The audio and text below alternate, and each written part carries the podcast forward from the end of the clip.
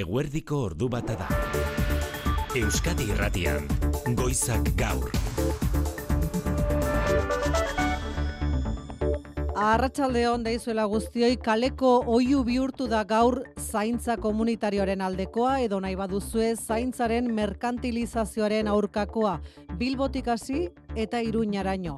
Bilbon amaitu berria da mugimendu feministak deitu eta gehiengo sindikalak babestutako huelga honen manifestazioa performance batekin izan ere goraberaren bat edo beste izan da baina oroar jaigiroan egiten ari dira mobilizazioa deitzaileek.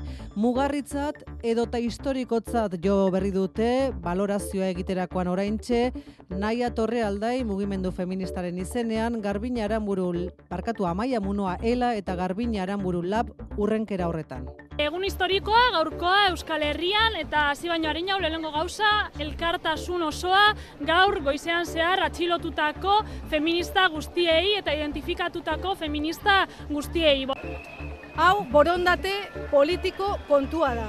Eta horregatik, greba honekin, greba feminista orokorra honekin, interpailatzen ditugu, bai instituzioak, bai indar politikoak, egiten den aldarriari erantzun diezaiotela. Exigitzen diegu erantzuna eman diezaiotela.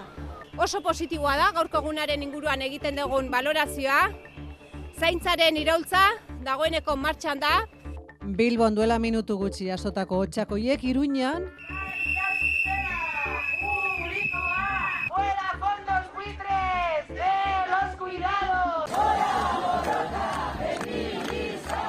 Gaztelu plazara iritsi berria da, zaintzaren privatizazioa salatzeko manifestaziori Ipar Euskal Herrian ez du azararen hogeita marreko greba orokorronek oi hartzunik izan.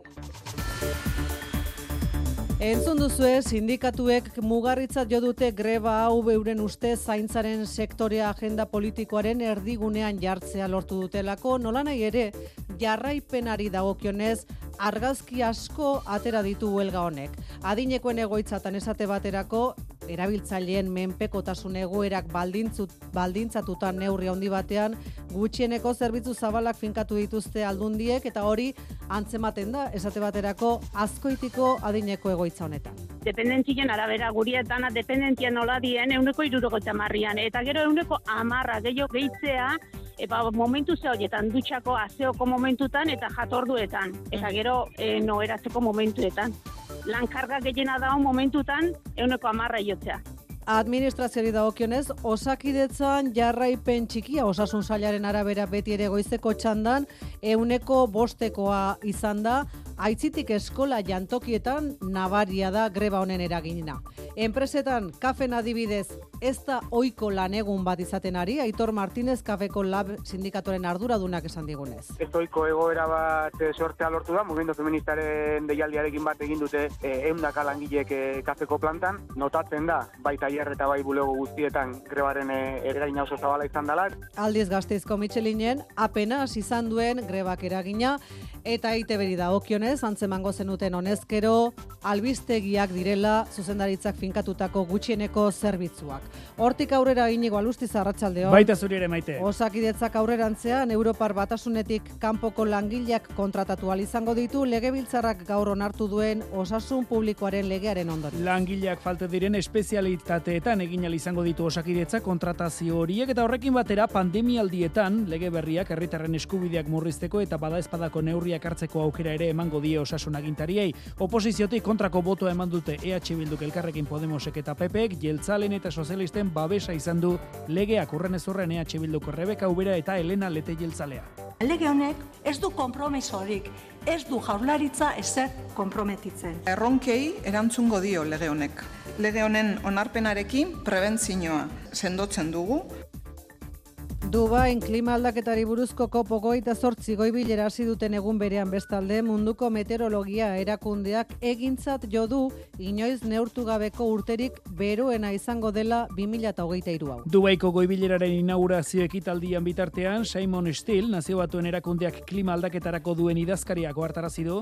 If we do not signal the terminal decline of the fossil fuel era as we know it, we welcome our own Erregai fosilen aroari amaiera emanezean abian jarriko dela gizakiaren amaierako fasea. Gaur hasi eta abenduaren amabira bitarte irurogeita mar mila parte hartzaile izango ditu kopo geita sortziak antolatzailea petrolio ekoizle diren Arabiar Emirerri batuak diren neurrian mesfidantza handi eragin duen goibilera. Eta gazan zein da azken ordua? Bazailtzen ari dela suetena gehiago luzatzeko aukera, Katarreko eta Egiptoko bitartekariak horretan beste bi egunerako akordioa bilatzen ari diren arren, gero eta euskorragoa dirudi suetenak, bateko eta besteko erasoak tarteko, Cisjordanian Israelgo soldaduek atzo, amabost eta bederatzi urteko aurbana tiroka hil ondoren, jamasek gaur bere gain hartu du bi ekintzailek Jerusalemen egin duten erasoa, hiru zibil Israel darril dituzte tiroka autobus geltoki batean. Euskal Zinemak berrogeita bost izendapen jaso ditu aurtengo goia sarietarako Estibaliz Urresolaren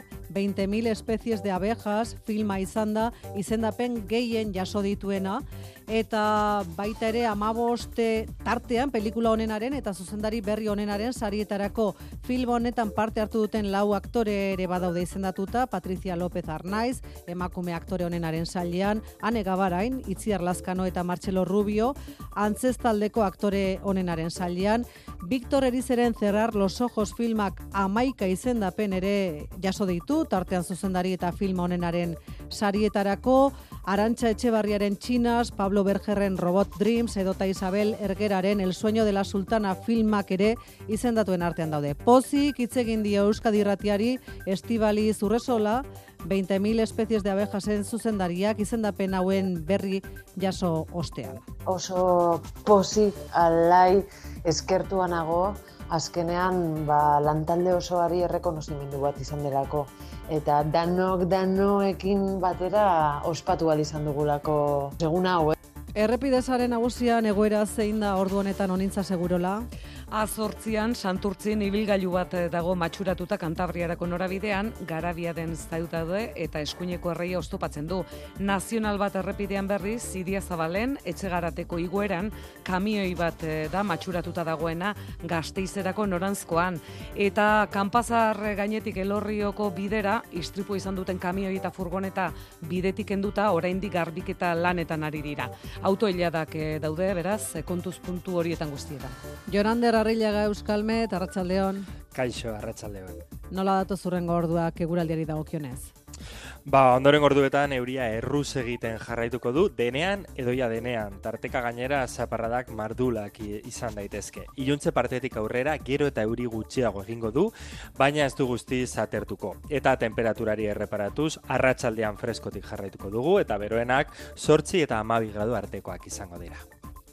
Eskerrik asko Jonander, bihar arte. Bihar arte, agur. Eta berriz ere entzulei eskerrak eman beharrean gaude, izan ere goizean ezagutu dugu EGM entzuleko galdeketaren azkeneko neurtaldiaren emaitza, eta emaitza hoien arabera, Euskadi Irratiak berriz ere gora egin du. Bai, EGMren azken neurtaldiaren arabera, aurten eunda bat mila entzulek egin dute bat egunero egunero Euskadi Irratiarekin, EGMek egindako azkeneko galdeketarekin alderatuta, Euskadi Irratiak beraz beste bos mila entzule bere ganatu ditu, urteko batez besteko hartuta, ITB Irrati taldeko emisorek, irureunda laurogeita amaika mila entzule biltzen dituzte egunero. Eskerrik asko hortaz, ordu bata eta zortzi minutu dira Mikel Retegi eta Mirari Egurtza teknikan eta realizazioan.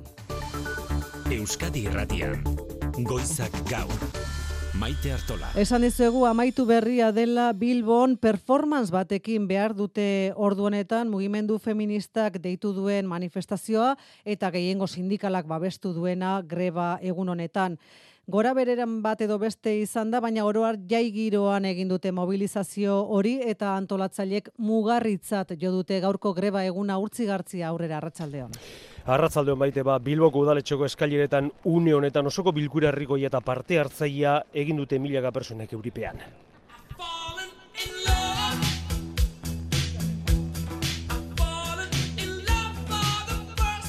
Que claro, hitz egiten dute zaintza, eskaro mugimendu feminista hasi zen zaintza hitz egiten eta Tira, zaintza sistema komunitarioaren alde eta zerbitzuen privatizazioaren eta merkantilizazioaren aurka mozioak eh, onartu dituzte jendearen txalo artean humorez duela segundu gutxi amaitu den ba osoko bilkura herriko honetan. Konfebasket eta Zebek Euskadiko eta Bizkaiko enpresaren elkarten egoitzetatik irten manifestazioan amaiera izan dau, kale nagusia zerkatu eta udaletxera biatu dena.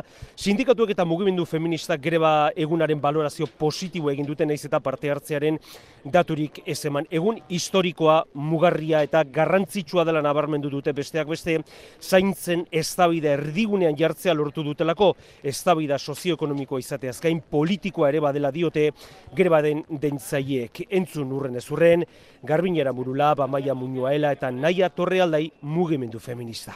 Gaurko greba, eremu produktiboan izan duen eraginaz aratago doalako. Gaurko eguna, antolakuntzarako, politizaziorako, saretzerako, harremantzeko egun badalako. Hau borondate politiko kontua da.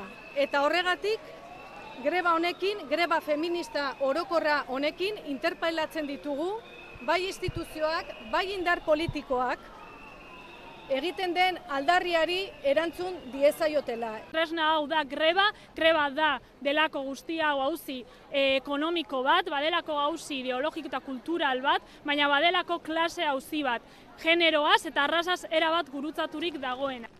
Eta salaketa bat ere bai, zaintza lorrean lanean eriren migratutako milak emakumek ezin izan dutela gerebarik egin ahal izan esan bezala. Osoko bilkura herrikoia performanza amaituta, Espainiako gobernuaren atzerritarrasun bulegonantz abiatzen ari da jendea, beste performance bat egitekoak baitiran, ostantzean arratzaldeko bosterdietan Jesusen bihotzean, eguneko manifestalde nagusia, Bizkaiko hiriburuan. Eskerrik asko Bilbotik e, urtzi gartzia, gazteizen lanbideren egoitza aurretik abiatu da manifestazioa. Sarreran aipatu dizuegu, datu ofizialei dagokionez oso apurrak ditugula oraindik, osasun sailak goizeko osakidetzan txandan izandako jarraipenaren berri eman du, euneko bost ingurukoa, dio osasun sailak zain gaude gainerako arloetan, esate baterako hezkuntzan, garraioan edo administrazioan zedatu eskaintzen dituen jaurlaritzak, Ainara Rubio dabil gaztizko kaleetan aurrera Ainara. Gazteiz e, greba feminista orokorraren jarraipen datu zehatzak ezagutu zain, babes zabala izaten ari dela azpimarratu du mugimendu feministak, arlo publikoan batez ere, besteak beste, kiroldegi, garbiketa zerbitzu eta udal askotan gaur lana eten dutela azpimarratu dute. Eragin zabala baita ere garraio publikoan eta hezkuntzan batez ere unibertsitatean, kampusak ia geldirik egon direla diote, arlo pribatuan berriz jarraipen desberdinaz hitz egin dute, inzidentzia handiagoarekin Gipuzkoan eta Bizkaian. Hain zuzen ere garraioa izan ohi da herritarrei gehien eragiten dien sektoreetako bat. Bilboko metroak esaterako esan du amar trenetik sei martxan izan dituela goizean. Zehar jaurlaritzak datuak une batetik bestera ematea espero dugu, dagoeneko osakidetzak aurreratu du goizeko txandan grebaren jarraipena osasun zentro eta ospitaleetan euneko bost koma irurogeikoa izan dela. Jaurlaritzatik hori bai Pedro Azpiazu gasun sailburuak onda baskan esan du grebarako eskubidea errespetatu bai, baina oreka bilatu behar dela aldarrikapenen eta eragiten diren arazo eta kalte ekonomikoen arte artean. Euriak, eurien goizean dugu bai ainara, bai, euri asko gainera, eh? Zaparra da mardula ari du botatzen dune honetan, eta esaten genuen, euriak euri goizean goizetik kaleak aldarrikapenez bete dira, une honetan abiatzekoa da, gazteizko manifestazioa lanbideren egoitza aurretik, manifestazio oso jendetsua, udalaren gizarte larrialdien egoitza aurretik, gizarte segurantzatik edota Santiago ospitaletik pasako dira, zaintza eredua errotik alda dadila eskatzeko. Eskerrik asko, esandakoa jaurlaritzak emango dituen datu hoien zain geratzen gara, eta esan dizuegu sarreran gaur argazki asko atera litezkela greba honen inguruan, ikus dezagun esate baterako saltokietan, ostalaritzan, edo lantegietan olako jarraipena izan duen, guk deitutako e, ateetan erantzun digutenagatik, heider berri. Bueno, ba, maite jarraipena ezberdina da batean, ezin bestean, araban, Michelin edo Mercedes eh, bezalako enpresa handietan izan du eragina, Michelinen goizeko txandara sartzera zijoazenen sarrera, oztopatu dute piketek.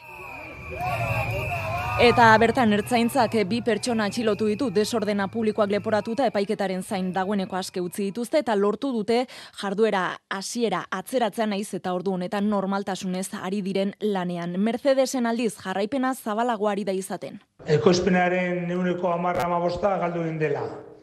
Eta euneko euneko jarraipena izan dute SDA Factory edo Pepsicoren fabriketan erdia laminaziones arregi edo kondesa enpresetan. Hori araban, bizkaian Bilbon elkorte ingles zabal zabalik piketeak gerturatu ala, ateak eta pertsianak itxi dituzte. Eta urrundu ala berriz ireki hori errepikatu den irudia erdiguneko denda eta taberna ia guztietan barakaldo edo zamudioko enpresetan piketeak izan dira baita goizean goiz Petronorreko plantaren atarian ere, Gipuzkoan goierrin jarraipen zabala izan du grebak kafen edo indarren esate baterako labeko Gipuzkoako industria arduradunak zioen helburua lortu dutela. Ba, egia esan da gure aldetik valorazioa nahiko positiboa, teori egunez normalizatu bat izan da. Beasain Guarcelor Mitalen, Legazpiko Zia Automotiv edo GKN enpresetan zizur kilgo kelsenen edo jartzungo niesenen produkzioa etenda, baina esandakoa jarraipena oso irregularra desberdina batean eta bestean. Hainbat herri txikitan esan digute esate baterako ari direla tarte batean isten saltokiak eta tabernak, eguerdiko amabietatik ordu batera, eta arratsaldean beste ordu betez itxiko dituztela, esan dizuegu hori hainbat herritako kontua da, baita ere ikusi duguna da kafetegi eta tabernak donostian eider, e, piketea gerturatu ala persianak izteko pronto izan direla, baina oroar dena zabalik zegoela. Eh? Bai, ezoiko normaltasuna arnasten zen kaleetan, banatzaia goizeroko partiketa lanetan, kafetegi eta okindegiak zabalik, arropa eta gainerako denda txikiak ere guztiak oiko martxan, lonalai, nolanai ere, edo zeinunetan pertsianak itxi beharrean izango zirenaren errezeloan hori izan da adibidez, San Martingo zara arropa dendaren kasua sei zortzi bat gazte sartzea lortu dute eta lurzoroan ardoa eta irina bota dituzte iesean alde egin dute eta denda minutu batzuetan itxi egin behar izan dute garbitu bitartean. Non nahi ikusi zitezken ertzainen furgoiak eta non nahi grebalariak bretxako McDonald's Forum edo Appleen denden ateetan pegatinak eta pankartak eh, pegatu dituzte. Momentuan itxiarazi baina grebalariak alde ginala. Berriz zabaldu bulegoak kontsulta pribatuak bankuak zabalik zeuden eta autobus geltokietan berriz zoi baino jende gehiago pilatuta. Maiztasunak nabarmen gutxitu direlako garraio publikoa eta ondorioz taxi geltokietan ere oi baino jende gehiago zebilen taxi eske. Zaintza erdigunean jartzeko greba bat zen hau eta esan behar dugu adibidez sektorerik feminizatuena izango den adinekoen egoitzetan eta eguneko zentroetan guk dakiguneraino jarraipena mugatua ari dela izaten, baina horrek badu nonbait zergatia eta da menpekotasun handia duten erabiltzaileak direla zentroietan daudenak, adinekoen egoitzetan daudenak eta hortaz gutxineko zerbitzuak ere handiak onintza segurola. Bai, hala da ondorioz langile izartako gutxineko zerbitzuak altuak dira, hala esan digute azkoitiko San Jose egoitzako Ainoa Garitano langileak eta Ela sindikatuko ordezkariak. Dependentzien arabera, gurietana dependentzia nola dien, euneko marrian, eta gero euneko amarra gehiago gehitzea, Eba, momentu ze horietan, dutxako azeoko momentutan eta jatorduetan. Eta mm. gero e, noeratzeko momentuetan. Lankarga gehiena dago momentutan, euneko amarra jotzea. Grebaren eh, jarraipen txikiaren beste arrazoi nagusietakoa partzialtasuna dela azpimarratu digute. Azkoitiko adinekoen egoitzaren kasuan, langileen euneko irurogeik ez du lanaldi osoa. Gure kasua, a ber, em, bai partzialidadea ondiko eza personala da hola, eta orduen jende honek ba, derrigorra daukelanea jutia. Greba itia suponitze jo, ba, diru, diru galtzie, eta ez du parte hartu. Zaintza eredua errotik aldatzea aldarrikatzen dute hauek ere. Kaleko oiu bihurtu da gaur zaintza komunitarioaren aldeko oiu hori, iruñan ere, gaztelu plazara iritsi berria da manifestazioa, eta bertan da Eli eraso gure lankide aurrera Eli. E, ba, eunka lagun bildu dira, maite hemen Euripean, Nafarroko foru jauregiaren aurrean, bukatu berri den bilkuran, jaigiroan.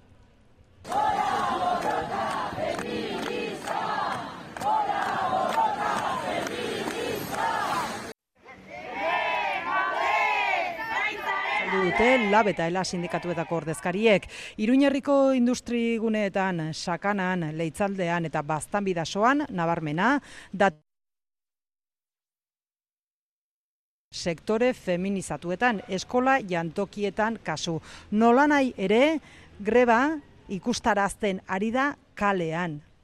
Nik uste du zerbitzu sozialek izan behar dutela, gure bizitza osoan, presente, eh? aurreskola behar badugu, eskola, osasun bidea edo zartzen garenean egoitza bat, ez? Baldintza duinetan, bai erabiltzailearen txat, bai langilearen txat. E, bukatu behar dugu zaintzen negozioarekin, publikoa izan eta gainera banatu guztion artean, gizonen barne, noski baiet. Ba, kontzientziak mugitzeko eta jendea ohartzeko ze arazoa dagoen. Garraio publikoa betiko martxan, nola nahi ere piketen eraginez, gaur goizean hiru ordu laurdeneko atzerapenarekin abiatu dira bilabesak iruñeko autobusak. Eta informatiboak dira, ez da inungo e, violentziarik izango bertan, informatuko dugu kalean dagoen jende asku horri bitartez, e, berezik izaintza sistema publiko baten beharra, eta bestetik hori, greba orokorra izanez, e, isteko behar bat ere badagoela eta kontsumo greba batean magaudela. Nafarroko gobernuak oraindik ez ditu kaleratu grebak foru administrazioan izaten ari den jarraipenaren datuak, hori bai, nabarmendu du aparteko istilurik ez dela izan. Eskerrik asko Eli Legebiltzarrean EH Bilduk eta Podemosek ordezkaritza oso mugatua bidali dute gaurko osoko bilkurara eta aurrera atera da Europar Batasunekoak ez diren mediku eta erizainak kontratatu al izango dituela osakidetzak osasunari dagokionez. Legebiltzarrak hori albidetzen duen osasun publikoaren legea onartu du, salbuespen modura eta betetzeko zailak diren espezializate espezialitateetan izango da. Jeltzalen eta sozialisten babesarekin onartu da lege hori. Pandemia gareregitarako markoa ere ezarri du legea. Kaixo norozen arratsaldeon. Arratsaldeon bai onartutako lege berri honekin osakidetzak kontratatu al izango ditu Europar Batasunetik kanpoko mediku espezialistak eta erizainak interes orokorreko arrazoiak daudenean, baldin eta egiturazko lanpostu horiek betetzeko langile defizita badago. Hori bai aldi baterako kontratatu al izango ditu eta betetzeko zailak diren espezialitateetan eta beste puntu garrantzitsu bat ere jasotzen du legeak arautzen dituelako pandemia igoera batean herritarren gainean esku hartzeko neurriak osasun agintaritzari ahalmena ematen dio horrela, murrizketak ezartzeko mugikortasunean, lanean edota txertaketa selektiboa agintzeko herritar edo profesional talde jakin batzuei. Gotzone sagardui osasun zaiburuak defendatu du legea legebiltzarrean, Ciudadanos ditu eta kontrako botoa eman dute oposizioko alderdiek gabeziak dituen legea delako esan dute. Entzun EH Bildu Rebeka Ubera, EAJ eta Elena Lete. Naiz eta teorizatu, bete behar instituzionalekin, neurriekin, konpromisoekin ez du aterrizatzen. Gizartearen sortu duzuen osakidetzarekiko sensazioa txarrarekin, harrapatuta zaudete, guztiz harrapatuta. Eta orain, ez eta usartzen legearen alde jokatzen. Era honetan beraz, EAJ eta PSren aldeko botoekin atera da legea aurrera. Madrilen amnistia etzen agien desiragarria izango, Pedro Sánchez gobernuko presidenteak aitortu duenez, baina politikan erabaki egin behar izaten da, erabaki onenen eta posibleen artean. Pesoek eta juntzek abiatuko dituzten bileretan, nazioarteko egiaztatzaile batek parte hartuko duela berretsi du, alde bien artean, ez dagoelako konfidantza aski eta jakingo dulu kula gainera norden nerea sarriegi. Bai, presidenteak aitortu du amnistia onartzea, etzela berak edo bere gobernuak eman nahi zuen urratsa, baina koherentea dela Kataluniaren eta Estatuaren arteko harremanak bideratzeko hartutako erabakiekin.